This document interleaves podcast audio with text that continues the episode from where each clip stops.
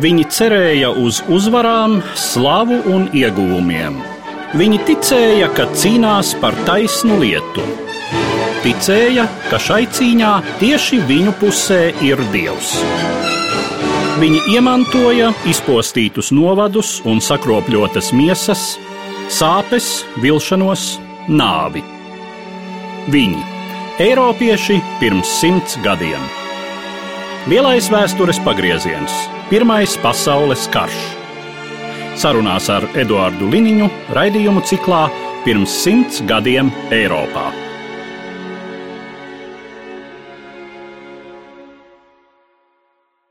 Labdien, cienījamie klausītāji! Turpinot mūsu sarunas par Pirmo pasaules karu, šodien paraudzīsimies uz to, kas notika šī kara otršķirīgās frontēs 1914. gada nogales mēnešos. Mans sarunbiedrs studijā - vēsturnieks, kara muzeja pētnieks Dainis Poziņš. Labdien! Labdien! Pirmām kārtām ar šodienas tematu es domāju kara darbību Balkānos, tur, kur šis karš faktiski izcēlās. Bet uh, Serbijas, Austro-Ungārijas fronte, protams, pēc sava apjoma iesaistīto spēku lieluma nav šī kara galvenā fronte, un tomēr, kas tad notiek šai frontē, kur varētu šķist, ka nepārprotami vienai pusē ir pārsvars gan tehniski, gan skaitliski, gan resursu ziņā? Lai arī šī fronte ir it kā tālu un nav tik bieži pieminēta, tā bija diezgan svarīga, it sevišķi kara sākuma periodā. Pirmie šāvieni uz Serbijas un Austro-Ungārijas robežas faktiski jau atskan 28. jūlijā. Tātad kara darbība un sadursme sākās tur ātrāk, un no Austro-Ungārijas armijas vadība uzskatīja, ka Serbija būs salīdzinoši viegls mērķis, bet jau kara pirmās dienas parādīja, ka tas tā nebūs viss. Serbija mobilizēja proporcionāli savam iedzīvotāju skaitam ārkārtīgi lielu armiju, pēc skaita proporcionāli ar iedzīvotājiem. Tās rezervas bija apmēram mobilizēšanai 400 tūkstoši cilvēku, lai gan ieroči, šaujamieroči šautenis bija tikai 100 tūkstoši cilvēkiem, un serbi cīnījās izmisīgi, izmantoja maksimāli savā labā. Reljefu jau augusta sākumā un patiesībā Austrungārijas armijas operācijas kara sākumā var uzskatīt par diezgan pamatīgu fiasko. Jo Serbija pat spēja veikt kara pirmajā mēnesī vairākus pretuzbrukumus, un Austrungārija tika militārajā ziņā pazemot. Savukārt Serbijas pretestībai bija nozīme arī tādā ziņā, ka pret Serbiju iesaistītie spēki nebija pieejami Austrungārijai citos frontes sektoros un sevišķi Galīcijas frontē. Tātad, ja mēs salīdzinām šīs divas armijas, kur ir vienas un otras armijas spēks un vājums, nu, mēs vēl varam pieminēt, ka te piedalās vēl viena armija, tā ir Melnkalnes armija, kas gan, protams, ir salīdzinoši maza, arī bruņojuma ziņā nenopietna, bet, nu, laikam, apmēram viena divīzija Nu, Turpat vairāk sanāk, Melnkalnas armijā bija iespējams mobilizēt apmēram 35 tūkstošus karavīru, un viņiem bija 30 ložmetēji un 65 novecojuši lielgabali. Melnkalna tas tāds neliels spēlētājs šajā kara darbības rajonā. Tehniskais pārsvars neapšaubām bija Austro-Ungārijas rīcībā. Un Austro-Ungārijas armija bija diezgan pārliecināta, ka viņi pārsvaru gan artilērijas, gan ložmetēju ziņā par Serbiju varēs veiksmīgi izmantot. Austrungārijas armija pat piegāja pie Belgradas, sāk Belgradas bombardēšanu, bet Austrungārija bija spiesta sastapties ar nopietnu pretestību un kaujas tur izvērsās ļoti nopietnas arī 1914. gada septembrī, un 1914. gada beigās Serbiem izdevās pēc sīvām cīņām atkarot atpakaļ Belgradu, un zaudējumi abās armijās bija ārkārtīgi augsti. Līdz gada beigām Serbija minimums zaudēja 132 tūkstošus karavīru, un apmēram tuvu šim skaitlim bija arī Austro-Ungārijas zaudējumi. Tas cipars ir diezgan iespaidīgs, pat ņemot vērā Pirmā pasaules kara pieredzi. Tā kā šī fronte nemaz tik maz svarīga nebija, it sevišķi pašai Serbijai. Jā, nu ir skaidrs, ka Austrijas sākotnējo kara plānu izjauc tas, ka ir daļa spēku jāpārsviež uz ziemeļiem pretī Krievijai. Bet, ja mēs tā vērtējam austriešu armijas vadības darbību, nu un pretī, teiksim, serbu darbību, Par nekādiem kara mākslas šedevriem mēs tur runāt nevaram, jo austrieši darbojās diezgan šabloniski un serbiem pat ar salīdzinoši vāju artilēriju, prasmīgi diezgan racionāli izmantojot Balkānu reliefu priekšrocības, kā nekā tas ir diezgan kalnēns apvidus ar daudziem ūdens šķēršļiem, tātad kara darbībai sarežģīts apvidus. Un tur Austrumgārijas pārsvars artērijas ziņā nebija tik būtisks, jo šos lielgabalus grūti pārvadāt, grūti atrast mērķus, šķēršļotā apvidū. Tad viss šīs kara darbības laikā pārvietošanās notiek relatīvi lēni un sarežģītos apstākļos, un serbiem pietika laiks, lai ar savu karavīru dzīvībām mēģinātu nosargāt valsti. Serbijas mīnus ir vājie tehniskie resursi un serbi cīnījās izmantojot dzīvo spēku ar attiecīgi augstiem zaudējumiem. Tā teikt, ieroču un labas artērijas trūkums tika kompensēts ar izmisīgiem pretuzbrukumiem, izmantojot dzīvo spēku, kas, protams, atstāja ļoti smagas sekas. Respektīvi, tā tad ar durkļiem pret ložmetējiem. Nu, būtībā, jā. Serbijas šie zaudējumi bija tik augsti, ka pēc šīm pirmajām kaujām Serbija jau kā militārs faktors, kā būtisks drauds pārstāja apdraudēt Austro-Ungāriju un pat cik Galīcijas fronte bija svarīgāka 1914. gada beigās, 1915. gada sākumā. Austro-Ungārija Serbijas frontē atstāja tikai divus armijas korpusus, pārējos pārvirzīja uz ziemeļiem pret Krieviju. Un Serbijas tas galīgais liktenis Pirmā pasaules kara laikā izšķīrās nākamajā gadā, tas 1915. un 1916. kad Serbijas armija faktiski tika pilnīgi sagrauta, Serbija tika okupēta un Serbija sanāk viena no tām valstīm, kur proporcionāli iedzīvotāju skaitam zaudēja visvairāk cilvēku Pirmajā pasaules karā. Vismaz man nav zinām citu valstu zaudējumu, kas sasniegt šādu līmeni, kad karā iet bojā 58% no visiem vīriešiem. Kā zināms, Serbiju sakaut gan izdodas tikai pēc tam, kad karā ir iestājusies Bulgārija, un līdz ar to Serbijai parādās vēl viena ļoti gara fronte, kuru nav ar ko aizstāvēt. Bet eh, līdz ar to mēs jau pārējām pie nākamā jautājuma. Pārējās valstis Balkānos, kas ir apkārt šīm tobrīd divām karojošajām pusēm, tātad Austro-Ungārija vienā, Serbija un Melnkalne otrā pusē. Līdzās ir citas valstis, ievērojot arī to, ka nesen pirms tam šīs valstis visas arī ir bijušas iesaistītas kara darbībā. Runa ir par diviem Balkānu kariem gadu pirms Pirmā pasaules kara. Bulgārija, Grieķija, Rumānija, Albānija, kā šīs valstis 14. gadā pozicionējas attiecībā pret šo konfliktu. Pirmā pasaules kara priekšvakarā un pašā kara sākumā šīs iekšpolitiskās cīņas visās minētajās valstīs un tie ārpolitikas prioritāšu pavērsieni bija ārkārtīgi dramatiski. Sevišķi tas attiecās uz Bulgāriju, kur ir tā teikt otrā Balkāna kara galvenais cietevis, un līdz ar to Bulgārijas pozīcija bija diezgan krasi naidīga pret Serbiju un Krievijas impēriju. Tāpēc Bulgārija iesaistījās centrālu valstu pusē kara darbībā. Un Bulgārija patiesībā arī salīdzinoši ar savu iedzīvotāju skaitu un ekonomiskiem resursiem karā iesaistīja diezgan lielus resursus, un pret Serbiju viņi karoja diezgan efektīvi. Tas arī bija viens no iemesliem, kāpēc serbus gal galā sakāva tieši Bulgārijas līdzdalība. Savukārt par Rumāniju. Rumānija ārkārtīgi ilgu laiku svārstījās, kurā pusē iesaistīties. Kara darbībā skatījās, kā attīstīsies notikumi, Rumānija karā iesaistās vēlāk, 1916. gada augustā. Rumānijas pievienošanās Antānas koalīcijai faktiski sagādāja vairāk problēmas, sevišķi Krievijas armijai nekā labumu, jo Rumāņi tika ārkārtīgi ātri Sakot, būtiski četru mēnešu laikā Rumānijas armija zaudēja praktiski visas kaujas spējas, un Krievija bija spiest glābt Rumānijas fronti savu flangu, kas būtiski bija apdraudēts kardarbībā pret Austro-Ungāriju. Grieķija arī salīdzinoši vēl iesaistās aktīvu kara darbībā, tur runiet par 1917. gadu Grieķijā diezgan nestabila iekšpolitiskā situācija, un tur faktiski bija sīvas iekšpolitiskās cīņas par to, kurā pusē tad nostāties un beig beigās uzvarēt Britu un Antantas piekritēji. No šī reģiona valstīm visnozīmīgākais spēlētājs militārā ziņā, protams, ir Osmaņu impērija.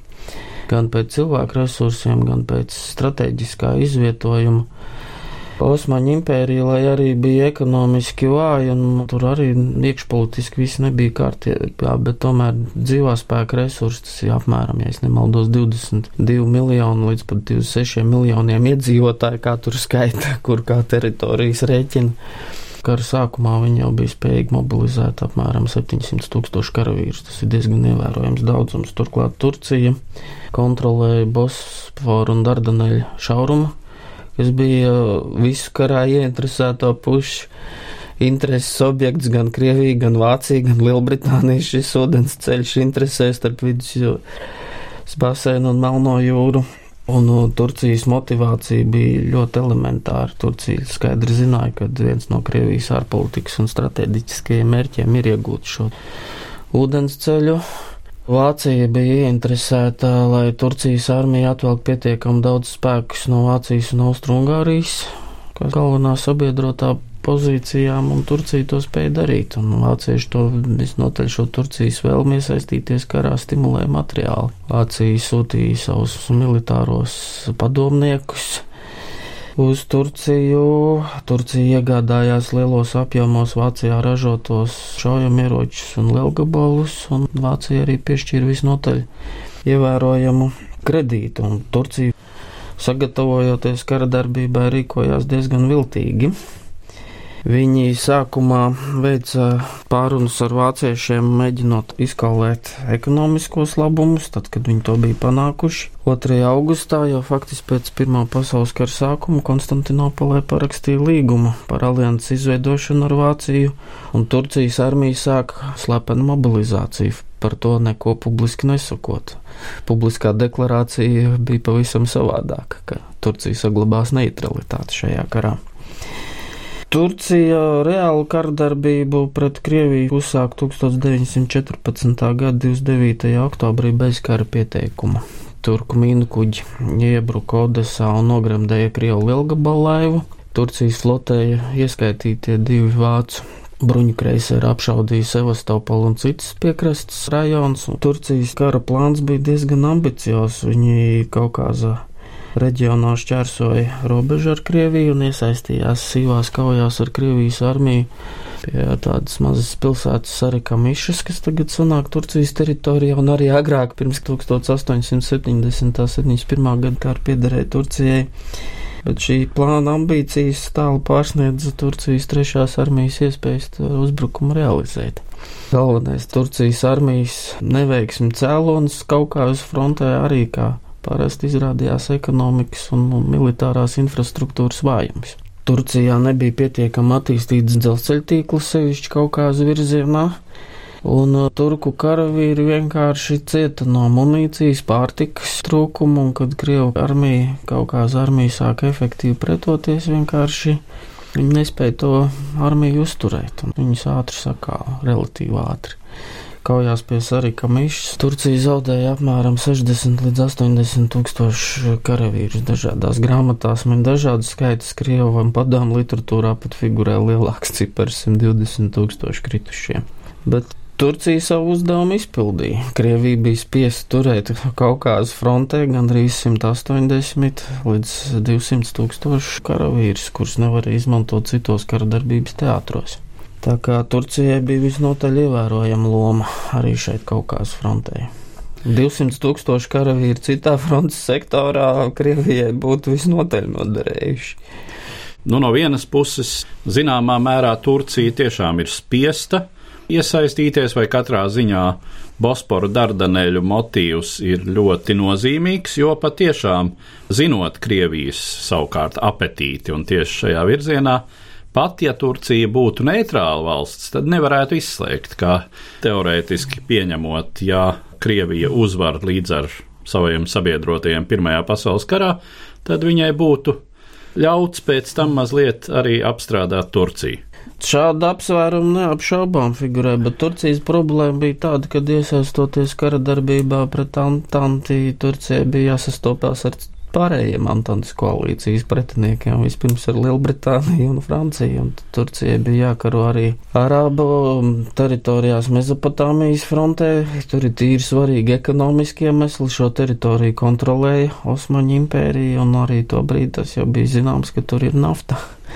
Un nafta vienmēr ir vilinošs resurss, par kuru ir vērts cīnīties, un vēl viens tāds cīņas sektors ir Turcijas armijai Palestīnas-Sīrijas fronte. Es labi zinām, mūsdienu ziņās šie reģioni tikpat karsti un aktīvi kardarbības rajoni, tie bija arī Pirmā pasaules kara laikā. Tur bija iesaistītas gan ekonomiskās intereses, gan arī Antants sabiedrotie mēģināja izmantot Arābiju interesētību atbrīvoties no Osmaņu impērijas kundzības, bet tā teikt, kara gaitā šie procesi attīstījās tā kā Turcijai Pirmā pasaules kara militārā slodze uz ekonomiku un cilvēku resursiem pārsniedz stipri šīs impērijas iespējas, un Osmaņu Turcija tieši tāpat kā pārējās Eiropas monarhijas cieta sakāva Pirmajā pasaules karā. Vispirms ekonomiski un politiski, un tikai tad militāri. Pirmās, kas sāka zaudēt šo cīņu bija šo valstu ekonomikas. Tās nespēja vienkārši šīs lielās armijas uzturēt, nodrošināt tehnisko nepilnību dēļ radās lieli cilvēku resursu zaudējumi, slimības, un tas arī destabilizē šīs valsts iekšpolitiski. To naftas faktoru ko jūs pieminējāt. Pirmajā pasaules karā tas tik, tikko faktiski sāk parādīties kā militāras darbības. Nafta tobrīd ir jauns ekonomikas resurs un militāros spēkus tas interesēja vienkārši iemeslu dēļ. Autotransports, lai arī tas bija, kā saka, bērnu autiņos vēl un attīstījās, tomēr degviela bija nepieciešama. Un uh, otra būtiski svarīga lieta Nafta, mazuts, kā kurināmais kara flotēm, deva tehnoloģiskas, tehniskas priekšrocības salīdzinot ar oglēm, tāpēc, ka ir energoietilpīgāks. Līdz ar to kara kuģi, kas darbināja savus tvaika katlus ar naftu, varēja pārvarēt lielākā tālumā ar tādu pašu kurināmā masu. Tā bija nopietna tehnoloģiska priekšrocība salīdzinot ar kara kuģiem, kuri joprojām izmantoja ogles kā pamatkurināmo. Jā, un var atgādināt, ka tā brīža naftas ieguves vietas. Ir arī Baku reģions, Kaspijas jūra, kas arī tuvu salīdzinoši Turcijai. Persija, kas ir Turcijas Persijas. kaimiņu valsts, un uh, Amerikas Savienotās valstis jā. ir viens no lielākajiem pasaules naftas ieguvējiem to laiku. Nu jā, arī dzen, no Eiropā vēl arī Rumānija iegūst naftu. Protams, ka arī Turcijas gadījumā, tāpat kā Austru-Ungārijas gadījumā, un droši vien par to mēs arī šeit vēl varētu parunāt, šis etniskais moments Turcija, kā jebkura impērija, bija daudznacionāla valsts, un daudznacionālās valstīs, ja ir tāda viena, tā teikt, impērijas ideoloģija, protams, kad ir minoritātes, kas ir neapmierinātas ar savu esošo pozīciju, un tās jau ir, teiksim, Eiropas tautas, kāpēc Bulgāri, Grieķi un citi Turcijas Eiropas kaimiņi ar lielām aizdomām skatījās uz Turciju. Tā ir šī vēsturiskā koloniālā pagātnie karojumi, bailes no Turcijas kā no koloniālas valsts. Tāpēc arī šīs tautība, etniskais jautājums un reliģiskā jautājumi bija svarīgi arī Francijas un Lielbritānijas politikā, veidojot arābu vienības cīņai pret Turcijas karaspēku un kara noslēguma periodā tas izrādījās visnotaļ efektīvs līdzeklis, kā vājināt Turciju, izmantojot šīs impērijas iekšējās pretrunas starp turkiem un arābiem, un turpat nebija nozīmes tam, ka tur daudzos gadījumos bija kopīga reliģija, gan arābi, gan turki pārsvarā ir sunīti novirzienu piekritēji. Tas viņiem netraucēja absolūti karot vienam pret otru. Un tieši tāda pati situācija arī Palestīnā un Sīrijā. Arī. Ne tikai intereses, bet arī vietējie momenti tika izspēlēti pret Turciju. Tā kā impērijām vienmēr šī lielā teritorija un pakļautās tautas krīzes gadījumā atspēlējās. Tas, ka tu kontrolē lielu teritoriju un it kā ir spožs galms, nenozīmē, ka tev pavalsnieki to, to, to impēriju mīl ja radās labvēlīga iespēja, tad viņi pavēršās pret šīm impērijām. Tas vienmēr ir impērija risks, vājais moments. Mēs šeit varētu atgriezties pie jau zināmās patiesības par Austro-Ungāriju kā etniski ļoti fragmentētu valsti. Kā tas atspoguļojās Austro-Ungārijas armijas kaujas spējās un uh, kad tas parādās? Ka, nu, Austro-Ungārijas problēmas jau parādās pašā kara sākumā. Pirmkārt, Austro-Ungārijas organizācijas sistēmas dēļ. Austro-Ungārijā pastāv būtībā vairākas armijas, kas ir veidotas pēc nacionālā principa. Ir viena kopīga armija ir Austrijas un Ungārijas armija, un savukārt Austrijā dzīvo vairāk nekā desmit tautības, dažādi virsnieki, un Austrijas impērija kā mēģināja saglabāt katru nacionālo grupu savā anklāvā diezgan neskart, un tas lielā mērā atspoguļojās arī Austrijas armijas vienībās, kad karavīri bieži vien un virsnieki nespēja starp dažādām vienībām efektīvi sazināties, tāpēc viņi nesaprata vienkārši, ko viņiem saka. Tas līdz ar to sarežģīja visu karaspēku komandu struktūru. Austrijas impērija ir ārkārtīgi specifiska Eiropā, vēsturiski tāda parādība. Arī tas, ka Austro-Ungārijas impērijā dzīvojušie serbi, horvāti, Čehija sevišķi tad, kad armija piedzīvo lielus zaudējumus, brāļu tautu panslāvismu. Ideoloģija tolaik bija diezgan populāra šajās teritorijās, protams, ka tik līdz armija ir neveiksmīga, tā tūlīt tas ietekmē morālo klimatu. Tādas pret impēriju vērstas ideoloģijas atrod daudz vairāk dzirdīgas ausis. It sevišķi militāri vājām impērijām sastopoties ar nopietnām ārējām problēmām, uzreiz šie nacionālie faktori sāk darboties. Un Austrijai, Ungārijas armijā salīdzinoši daudz karavīri tika zaudēti tāpēc, ka viņi vienkārši padevās gūstā. Tas demonstrē to, ka nav tā vēlme cīnīties par katru cenu. Teiksim, arī Serbija karojot pret Austro-Ungārijas karaspēku jau kara pirmajos mēnešos saņēma gūstā gandrīz 50 tūkstoši Austro-Ungārijas armijas karavīru, kas ir ārkārtīgi liels skaitlis. Un tas diezgan daudz pasaka par šīs armijas morālām spējām. Tā kā karaspēka kaujas spējas nosaka ne tikai tas, kāda tev ir ieroči, ne tikai tas, cik daudz tev ir karavīri, bet kāda ir šiem karavīriem motivācija cīnīties par to ideju, ko tā valsts pārstāv. Kā šajā ziņā, starp citu, ir ar Krievijas armiju? Krievijas armija karu sāka ļoti pašpārliecināti, bet uh, kara gaitā šī pašpārliecinātība tika satriekta. Krievija ideoloģiski un pat armija bija diezgan pārliecināta par savām spējām. Nevarētu teikt, ka viņi baidījās no Vācijas vai Austrungārijas vai Turcijas bet Krievijas gadījumā tas pirmais atvēsinošais mirklis bija Tanenbergs, jeb kaujas pie Mazūra ezeriem Austrumprūsijā, kas bija pamatīgi sakāva Krievijas armijai ar ārkārtīgi lielu zaudējumu apjomu. Un arī ar Austro-Ungāriju karš nebūtu negāja viegli. Jā, Krievija tur gūs salīdzinoši vieglākas uzvaras, bet tās uzvaras tika panāktas par savu cenu, un tā cena nebūtu nebija maz, bija jāiegulda visnotaļ pamatīgi karaspēka, dzīvospēka resursi, materiālie resursi. Tas, ka Austro-Ungārija bija tā teikt, ielāpa impēriju un par to visi smējās, un armija dažkārt tika salīdzinoši viegli sakaut, nebūtu nebija tā, ka viņi galīgi nezināja, ko viņi darīja. Tur bija problēmas, un pamatīgas problēmas, un arī milzīgi zaudējumi dzīvā spēku, bet viņi karoja. Un pat šādu pretinieku, lai sakautu, ir vajadzīgi visnotaļ lieli resursi. Tā kā Krievijai nebūtu negāja viegli. Jā, bet vismaz kara sākumā tādā ideiskā un valsts patriotisma nozīmē. Nu, viņi bija ārkārtīgi pašpārliecināti, bet Pirmā pasaules kara sākumā ir praktiski neiespējami nosaukt valstu, kur nebija pašpārliecināti par savas armijas uzvaru.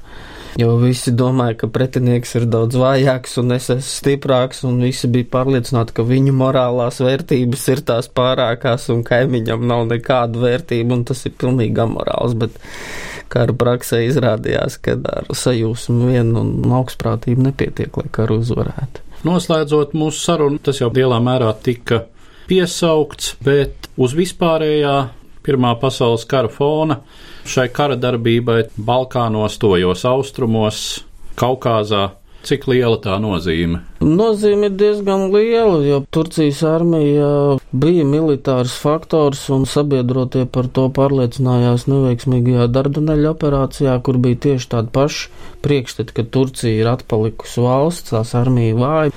Čerčila tā ideja, ka izsēdināsim Galipolī puselā savu desantu un mēs viegli izsitīsim Turciju no šīm dardaneļu šaurumu pozīcijām. Realitāte izrādījās pilnīgi citādi.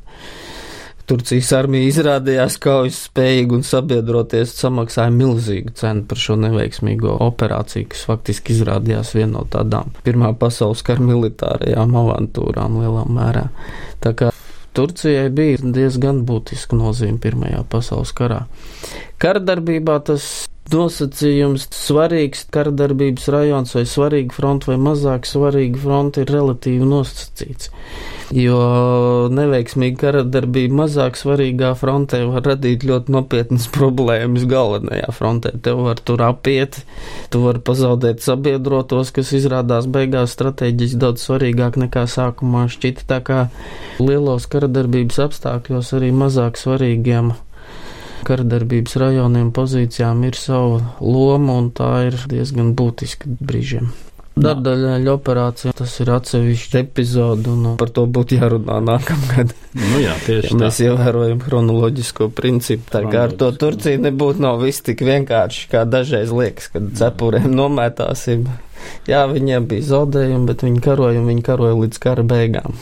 Un tas daudz ko pasaka. Tā nebija armija, kur sakā pāris mēnešos. Viņi turpināja cīnīties līdz pat kara pēdējiem gadam. Nu, un galu galā, aizskrienot jau visai tālu uz priekšu šai chronoloģijā, tad notikumos pēc Pirmā pasaules kara beigām, kad uzvarētāji mēģināja Turciju lielā mērā saplosīt gabalos, atstājot tikai etniski tīros turku apgabalus pašā tagadējās Turcijas centrālajā daļā, Mazāzijā, tad Turcija vēlreiz parādīja zobus. Un, un pamatīgi parādīja, tāpēc, ka Turcija atvērīja Grieķijas uzbrukumu. Tas karš bija tik nežēlīgs, ka pēc šī 20. gada sākuma konflikta mēs par Grieķu minoritāti Turcijā vairs praktiski runāt nevaram jo iedzīvotāji tika padzīti gan grieķu tautības no Turcijas, gan turki no Grieķijas daļas. Tas karš bija ārkārtīgi nežēlīgs, un tur savstarpējie pārmetumi, kurš kuram ir nodarījis, joprojām ir sīvi. Tāpat Turcija arī atgūda daļu no tām teritorijām, ko tā bija zaudējusi Krievijas impērijā. Tās pašas arī kā mišas tagad ir Turcijas teritorijā, nevis Krievijas vai Padomu Savienības kontrolēta teritorija. Tā kā Turcija bija impērija un viņiem šīs ambīcijas nosargāt savu teritoriju, savu identitāti, paplašināt savu ietekmi, bija dzīves to laiku un nekur nav zudušas arī tagad.